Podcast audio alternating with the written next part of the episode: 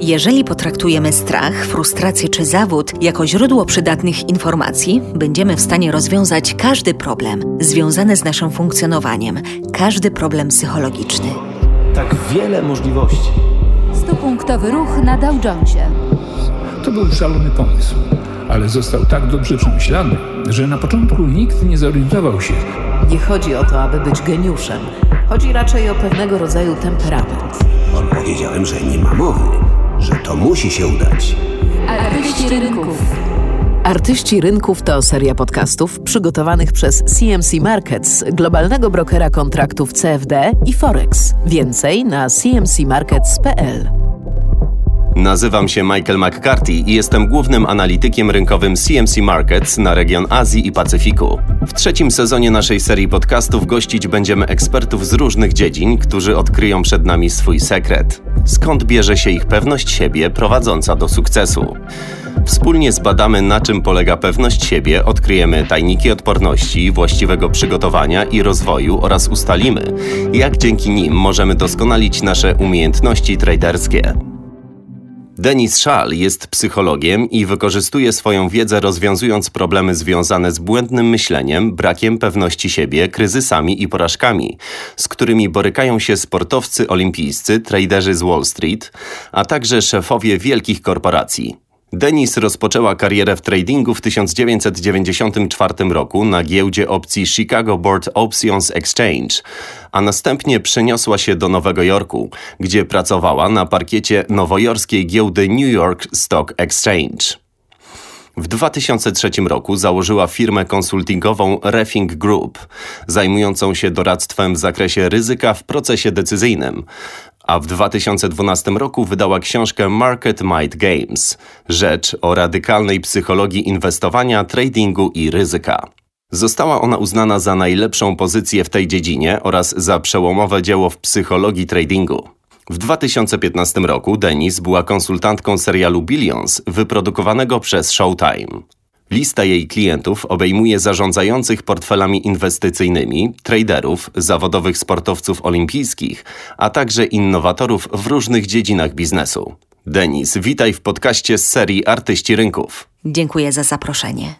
Rozpocznijmy od pytania, dlaczego zdecydowałaś się opuścić Wall Street i świat finansów, wchodząc do świata psychologii i tradingu? To zabawna historia. Kończyłam właśnie studia magisterskie, na których specjalizowałam się w neuropsychoanalizie, zgłębiając oczywiście również psychologię. Pisałam właśnie pracę magisterską, kiedy odwiedzili mnie przyjaciele zajmujący się tradingiem.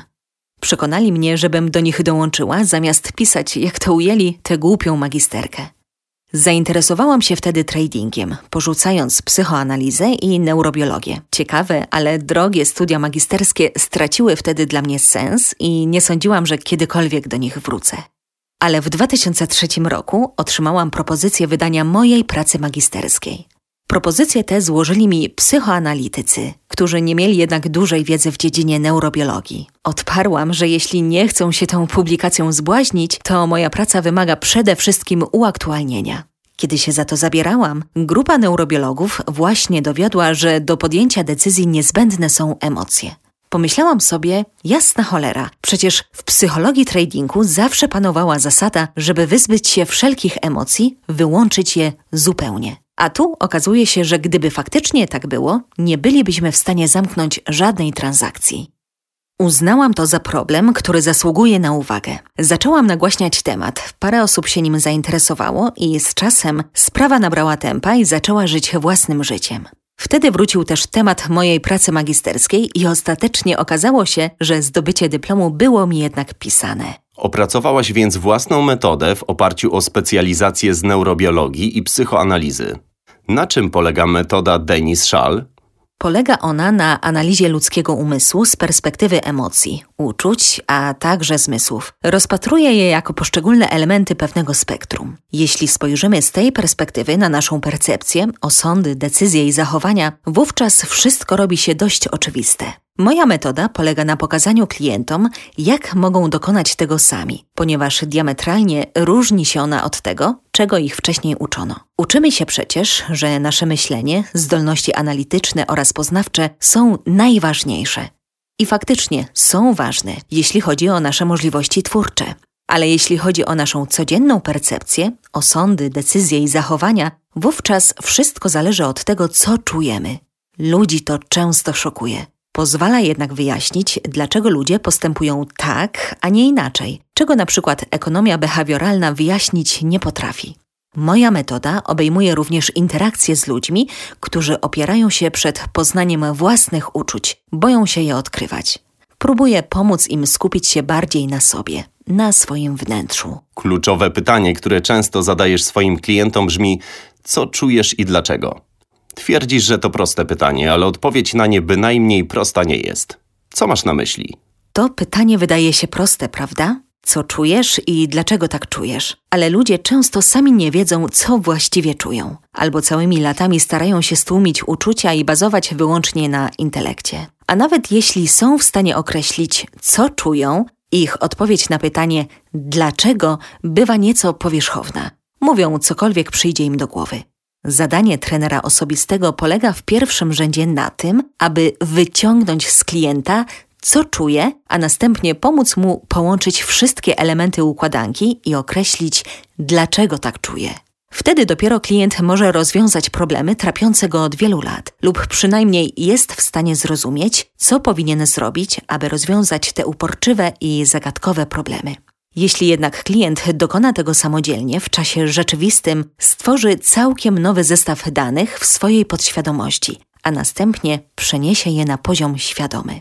A wtedy są większe szanse, że dokona właściwego wyboru, oddzielając zmysły, uczucia i emocje istotne dla podejmowanej decyzji od zmysłów, uczuć i emocji, które w tym wypadku nie mają znaczenia, bo dotyczą czegoś innego na przykład poprzedniej transakcji, wczorajszego rachunku zysków i strat, jego nastoletniego dziecka, które znowu ma kłopoty w szkole i tak dalej. To, co od ciebie dziś słyszę, z całą pewnością jest absolutnym przeciwieństwem tego, czego mnie uczono jako młodego tradera. Mogę być od ciebie starszy o jakieś 10 czy 20 lat, ale w moich czasach uczono nas, żebyśmy tłumili emocje i trzymali je na wodzy. Ty natomiast twierdzisz, że powinniśmy odczuwać tyle rozmaitych emocji, ile tylko możemy. Ale jak? Jak to osiągnąć? Ogólnie rzecz biorąc, Twojej psychice zależy, abyś znał swoje emocje. Na jakimś poziomie podświadomość czuje ulgę, kiedy może komunikować się z Tobą bezpośrednio, kiedy chcesz poznać te kluczowe uczucia i emocje. Tymczasem wszyscy wyrabiamy w sobie mechanizmy obronne przed uczuciami, bo tak zostaliśmy wychowani, prawda? Uczono nas tłumić uczucia, a my w tym celu wypracowaliśmy pewne mechanizmy wypaczające nasze reakcje tak, aby uczucia nie dochodziły do głosu. Cały problem polega teraz na odkryciu, co dana osoba w sumie tłumi, jakie są te mechanizmy. Ogólnie rzecz biorąc, uważam, że jeśli ktoś postanawia odkryć, co czuje i dlaczego tak czuje, jeśli znajduje w sobie odwagę, aby spojrzeć prawdzie w oczy, wówczas na pewno dowie się o sobie znacznie więcej niż kiedykolwiek wcześniej. Powinien wówczas skupić się na tym, na sygnałach wysyłanych przez ciało, bo tam właśnie ukrywają się jego emocje. To linia najmniejszego oporu dla psychiki.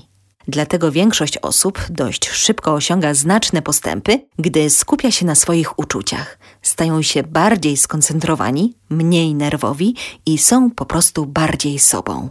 A czy wszystkie emocje się przydają? Ogólnie w naszym życiu i konkretniej w tradingu?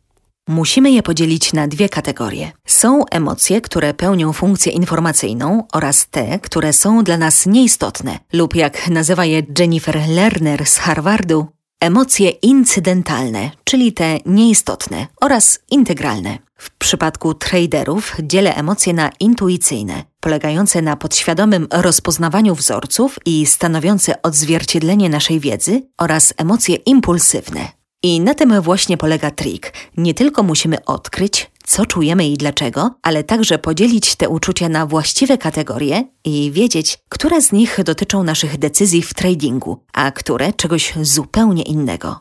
I skierować tę energię, bo można to nazwać również w ten sposób, do odpowiedniego koszyka. Powiedzmy, że spotkało cię pasmo porażek i czujesz się z tym fatalnie. Jesteś bardzo sfrustrowany. Jeśli odkryjesz, co jest źródłem problemu, to oczywiste, przecież nikt nie lubi tracić pieniędzy, ale jeśli potrafisz wyrazić to słowami, zerwiesz związek pomiędzy tym problemem a kolejną transakcją. Nieważne staje się to, jak wyglądał Twój wczorajszy rachunek zysków i strat, czy Twój wynik sprzed tygodnia lub miesiąca. Wszystko to nie ma znaczenia. Wprawdzie zawsze sobie tłumaczymy, że nie ma to żadnego znaczenia, ale jeśli robimy to na poziomie naszego rozumu, wówczas nie będzie to równie skuteczne jak wtedy, gdy przeanalizujemy wszystkie nasze emocje i powiążemy nasze uczucia z ostatnią przegraną transakcją, a następnie oczyścimy umysł. Wtedy będziemy mogli skupić się na istotnych uczuciach, które dotyczą naszej kolejnej decyzji transakcyjnej. A jaki jest związek pomiędzy naszymi emocjami a zachowaniem? Z tego co mówisz, można je chyba rozdzielić. Neurobiologia nie pozostawia tu żadnych wątpliwości. Emocje są niezbędne, aby zdecydować o takim, a nie innym zachowaniu. W praktyce oznacza to, że musisz czuć się pewnie, aby dokonać wyboru i faktycznie podjąć jakieś działanie. Ale w przeszłości przez całe stulecia niewłaściwie interpretowaliśmy energię płynącą z emocji. Uważaliśmy bowiem, że popycha nas ona do jakiegoś działania, że musimy się jej poddać. Tymczasem wcale nie musimy. Oczywiście możemy to zrobić, ale możemy też najpierw poczuć tę energię, zgłębić ją, przeanalizować, co się z nami dzieje, co to oznacza i dlaczego tak jest, a następnie przydzielić ją do odpowiedniej kategorii. I dopiero potem zdecydować, które z tych energii, czy innymi słowy, które z tych emocji są istotne dla naszej transakcji i które mają stanowić impuls do działania. Im precyzyjniej i skuteczniej będziemy analizować nasze emocje, tym łatwiej przyjdzie nam podświadome rozpoznawanie wzorców, które nazywamy intuicją, a tak naprawdę to nasza wiedza, a następnie ich oddzielenie czy odseparowanie od impulsów lub uprzedzeń, które nie mają w przypadku danej transakcji znaczenia. Rozumiem oczywiście, że to Twój biznes i nie proszę Cię o ujawnienie żadnych tajemnic, ale chciałbym się dowiedzieć, jak odróżnić intuicję od impulsu. Intuicja to spokój. To poczucie, że coś widzisz, że coś wiesz. Natomiast impuls charakteryzuje pewien niepokój. Impuls posiada energię i pcha cię do czegoś. Intuicja z kolei nigdy nie popycha do zrobienia czegokolwiek. Można oczywiście stwierdzić, mam takie przeczucie i powinienem zrobić tak i tak, ale intuicja nie ponagla cię do żadnego działania. Jeśli jakieś uczucie zdecydowanie pchacie do działania, jest to naprawdę podejrzane, szczególnie w tradingu. Czyli to taka różnica jak pomiędzy ciszą a burzą? No wiesz, intuicja też popchnie cię do działania. Jeśli na przykład widzisz rozpędzony samochód jadący w twoim kierunku. W takiej sytuacji to oczywiste. Tego typu rozpoznanie wzorców sprawi, że uskoczysz przed rozpędzonym pojazdem. Ale w kontekście pracy z moimi klientami zwykle przyjmujemy podział na intuicję i impuls, czyli spokój i niepokój. A czy z Twojego doświadczenia wynika, że pewność siebie jest istotna dla osiągania sukcesu w tradingu? Absolutnie. Tak przy okazji to właśnie pewność siebie jest powodem, dla którego nie jesteśmy w stanie podjąć decyzji bez zaangażowania emocji, bo do podjęcia decyzji jakaś doza pewności siebie jest niezbędna. Prowadzono kiedyś badanie dotyczące osób z uszkodzonym mózgiem, w wyniku czego utracili oni zupełnie pewność siebie. Ludzie ci nie byli w stanie zdecydować nawet, którego dnia pójdą do lekarza, ani jaką koszulę założyć. Działo się tak, ponieważ nie mieli poczucia tego, co jest słuszne. Nie czuli tego w sensie fizycznym. Pytanie, jak pracować nad poczuciem pewności siebie, a właściwie nad jej brakiem w sposób systematyczny i zorganizowany. Należy przyjąć właśnie taką strategię, bo pewność siebie faktycznie istnieje, przyjmuje rozmaite formy i można nad nią pracować. To po prostu dane zapisane w Twoim mózgu, zupełnie jak dane, które widzisz na ekranie komputera. Denis, pracujesz nie tylko z traderami, ale także z elitą sportowców. Pewność siebie to chyba kwestia, która dotyczy obu tych grup. Owszem, sportowcy twierdzą, że najbardziej potrzebują właśnie pewności siebie. W znacznej mierze psychologia sportu działa świetnie, dopóki sportowiec nie znajdzie się pod naprawdę wielką presją, bo wtedy wszystko zaczyna się sypać. Wtedy traci on pewność siebie. Słyszę tę samą historię od każdego sportowca, z którym pracuję.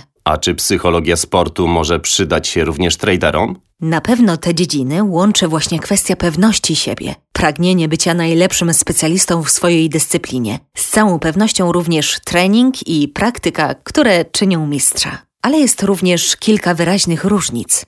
W każdym turnieju sportowym czy meczu wiadomo, kto wygrywa, wiadomo, dlaczego tak się dzieje, no i wiadomo, kiedy walka się kończy lub zbliża ku końcowi. Na rynkach finansowych tak nie jest. Jest to więc zupełnie inny problem, bo gra na rynkach trwa wiecznie, nie kończy się nigdy. Wyobraź sobie mecz piłkarski, który trwa wiecznie i gracze mogą strzelać gole bez końca, jeden za drugim. Wtedy wyglądałoby to zupełnie inaczej. Po drugie, w sporcie weźmy dla przykładu futbol, czy to futbol amerykański, czy australijski, czy europejską piłkę nożną. Kiedy piłka trafia z połowy przeciwnika z powrotem w okolice naszej bramki, to zła wiadomość. Natomiast w tradingu, w zależności od przyjętego systemu, jeśli trend odwraca się przeciwko nam, czy oznacza to automatycznie, że powinniśmy się poddać i wycofać? Czy może potraktować to jako szansę? Fundusze hedgingowe, z którymi współpracuję, utrzymują zajętą pozycję całymi latami. Zastanawiają się wtedy zawsze,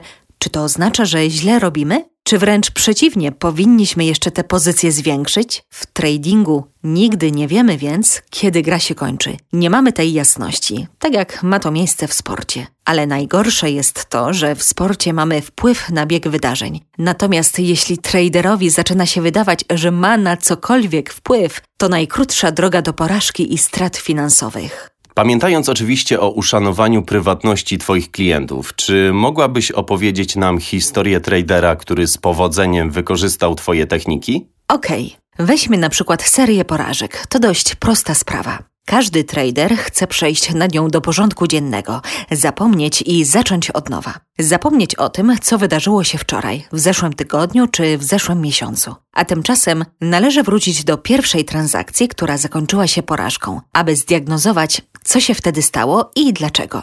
Może popełniłeś jakiś błąd? Może był to przykład myślenia typu ja wiem lepiej. Pomiń wszystkie inne transakcje. Wróć do samego początku, aby rozgryźć to, co się wtedy zdarzyło. Co czułeś i dlaczego? Pozwól sobie poczuć się źle z tego powodu. To twój czas żałoby. Czułeś się wtedy winny lub głupi, ale teraz stań twarzą w twarz z uczuciem, którego doznałeś podczas tej pierwszej porażki. Musisz przepracować to w sobie, aż w końcu będziesz w stanie sobie wybaczyć. Zrozum, że twoja psychika próbuje wykorzystać nieprzyjemne emocje, żeby cię czegoś nauczyć, podczas gdy ty starasz się je odpychać. Ale tylko ci się wydaje, że je pokonałeś i zapomniałeś o nich, bo one stale wracają przy kolejnej transakcji i kolejnej. Pasmo porażek trwa, ponieważ zaczynasz tracić pewność siebie, zaczynasz w siebie wątpić, a wszystkie nieprzyjemne uczucia, które towarzyszyły pierwszej porażce, cały czas cię gnębią. Jeśli natomiast cofniesz się do samego początku i weźmiesz byka za rogi, wówczas będziesz mógł sobie z nimi wreszcie poradzić i zrobić krok naprzód.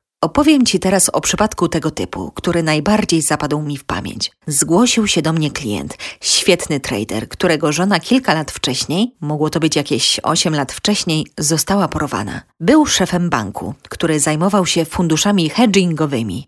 No i nie szło mu najlepiej. Zanim zgłosił się do mnie ze swoją historią, żaden inny coach nie wrócił z nim do tego, co czuł, kiedy porwano jego żonę. Nawiasem mówiąc, została ona uratowana. Jest cała i zdrowa. Okazało się, że mój klient czuł wtedy ogromne poczucie winy. Oczywiście nie była to wcale jego wina, ale czuł się źle, bo według niego nie ochronił swojej żony przed porwaniem i tak. Przerobiłam wtedy z nim te wspomnienia, a wieloletnie pasma porażek przestały go prześladować. A czy trader działający na rynku może się zupełnie załamać? Czy spotkałaś kogoś, komu nie można było pomóc? Tak naprawdę to nie. Myślę, że jeśli ktoś wygląda na załamanego, to na pewno gnębią go uczucia i emocje, które najpewniej zaczęły się od jakiegoś błędu popełnionego jakiś czas temu. I kiedy rozwiążemy tę zagadkę, dojdziemy po nitce do kłębka, taka osoba znowu odzyska poczucie, że wie, co robi. Jeżeli potraktujemy strach, frustrację czy zawód oraz stopień ich natężenia jako źródło przydatnych informacji, jeżeli powrócimy do tych uczuć, zrozumiemy ich istotę oraz przyczynę, będziemy w stanie rozwiązać każdy problem związany z naszym funkcjonowaniem, każdy problem psychologiczny. Naprawdę w to wierzę. Często mówi się, że jedyną stałą rzeczą na rynku jest zmiana. Według Ciebie, jakie najbardziej doniosłe zmiany zaszły w tradingu i na rynkach finansowych? Chyba ta masa pieniędzy, która przepływa teraz przez algorytmy. Kiedy ja zaczynałam w 1994-95 roku, wyglądało to zupełnie inaczej. Oczywiście na rynku nadal funkcjonują traderzy działający intuicyjnie. Mam tu szczególnie na myśli jednego z nich, który specjalizuje się w czytaniu taśmy zleceń, globalnym makrotradingu, wszystkich klasach aktywów na świecie. I on potrafi odczytać, które ruchy notowań akcji wynikają z działania algorytmów. Ale to już wyższy poziom umiejętności, a nawet najwyższy poziom tego wyższego poziomu. Kiedyś było zupełnie inaczej. Trend nabierał tempa i rozwijał się konsekwentnie w określonym kierunku. A teraz te wszystkie algorytmy działają wbrew średniej. Nagle wskakują i zatrzymują trend w takim punkcie, w którym 20 lat temu rynek poszybowałby w górę. Sądzę, że to dobry moment, aby zakończyć naszą rozmowę. Dziękuję bardzo, że poświęciłaś nam swój czas. Bardzo to doceniam, szczególnie biorąc pod uwagę Twój napięty grafik. To ja dziękuję za zaproszenie. Naszym gościem była Denise Schall z Nowego Jorku, z którą połączyliśmy się w Hongkongu. Nazywam się Michael McCarthy, a to był kolejny odcinek serii podcastów Artyści Rynków.